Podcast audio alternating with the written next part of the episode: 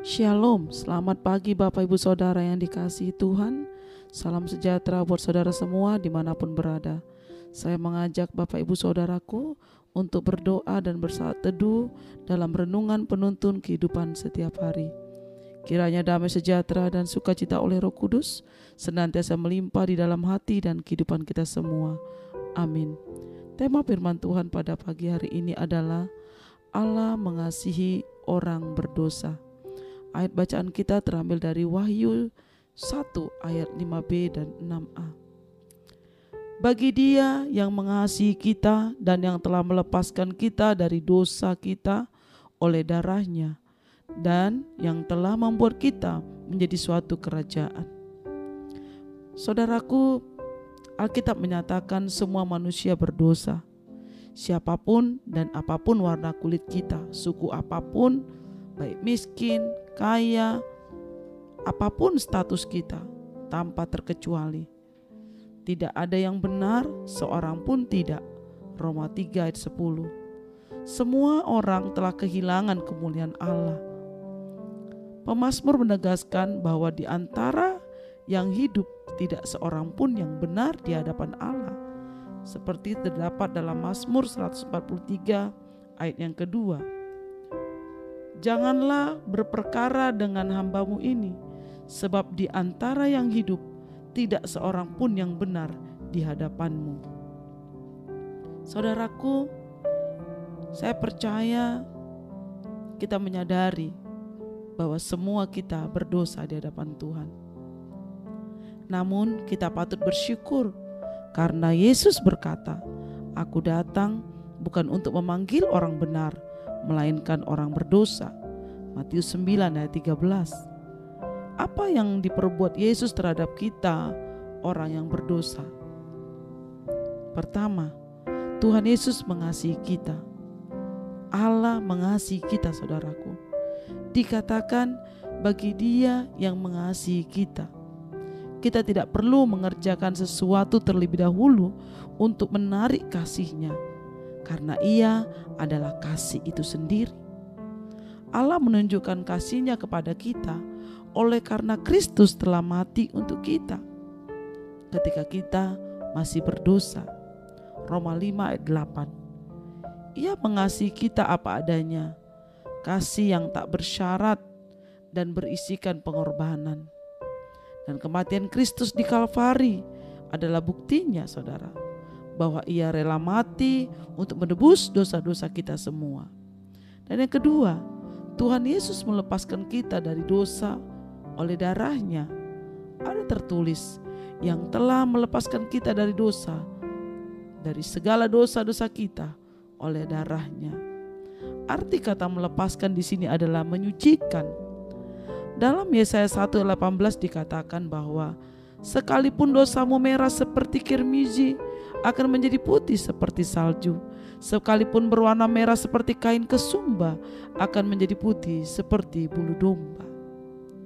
Tuhan Yesus melepaskan kita dari dosa dengan jalan memberikan dirinya sendiri melalui cucuran darahnya.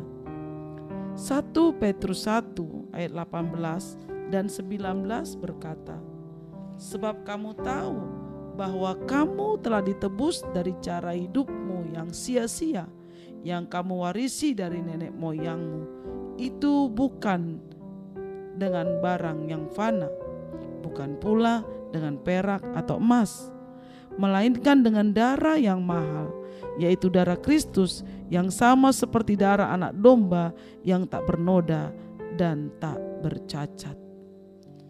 Saudaraku, yang ketiga dikatakan, Tuhan Yesus mengangkat kita keluar dari dosa. Dari segala perbuatan dosa kita saudara. Dan yang telah membuat kita menjadi satu kerajaan. Menjadi imam-imam bagi Allah Bapaknya. Wahyu 1 ayat 6. Saudara, melalui karya kudusnya di atas kayu salib, kita tidak hanya dipulihkan, tapi status kita juga diubahkan saudara.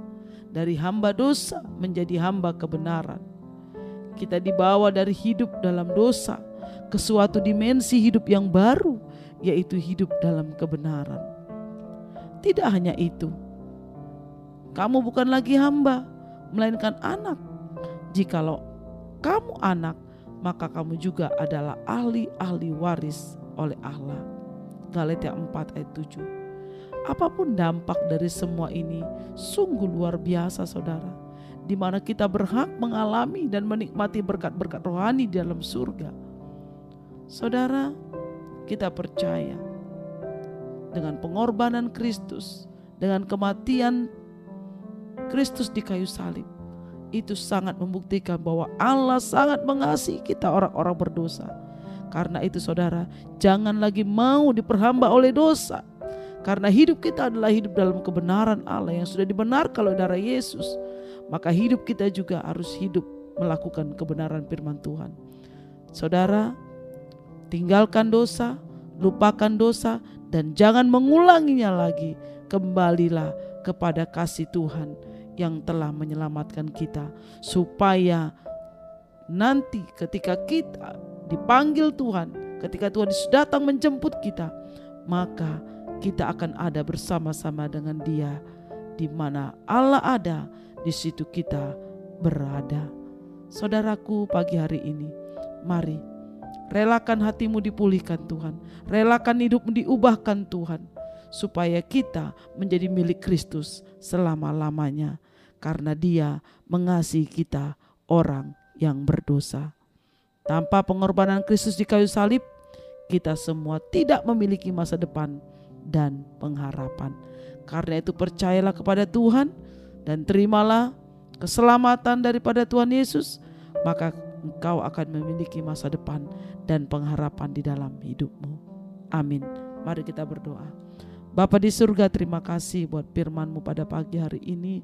Kami percaya Tuhan hidup kami bukanlah menjadi milik kami lagi ketika kami percaya dan menerima Engkau sebagai Tuhan dan Juru Selamat satu-satunya dalam hidup kami. Kami tidak lagi menjadi hamba dosa tapi menjadi hamba kebenaran oleh karena pengorbananmu di kayu salib. Tuhan ajar kami hidup benar sepanjang hari ini, melakukan firman-Mu, sehingga hidup kami sungguh-sungguh berkenan kepada Tuhan. Terima kasih Tuhan Yesus. Terpujilah namamu, dimuliakanlah namamu sekarang dan selama-lamanya. Di dalam nama Tuhan Yesus Kristus kami berdoa dan mengucap syukur. Haleluya. Amin. Kiranya berkat yang sempurna dari Allah Bapa kita, kasih karunia dari Tuhan Yesus Kristus, dan persekutuan yang indah dengan Roh Kudus menyertai kita semua dari sekarang ini sampai selama-lamanya. Amin. Maju terus dalam tuntunan Tuhan saudaraku, tetap semangat. Sampai jumpa esok hari di penuntun kehidupan setiap hari. Tuhan Yesus memberkati.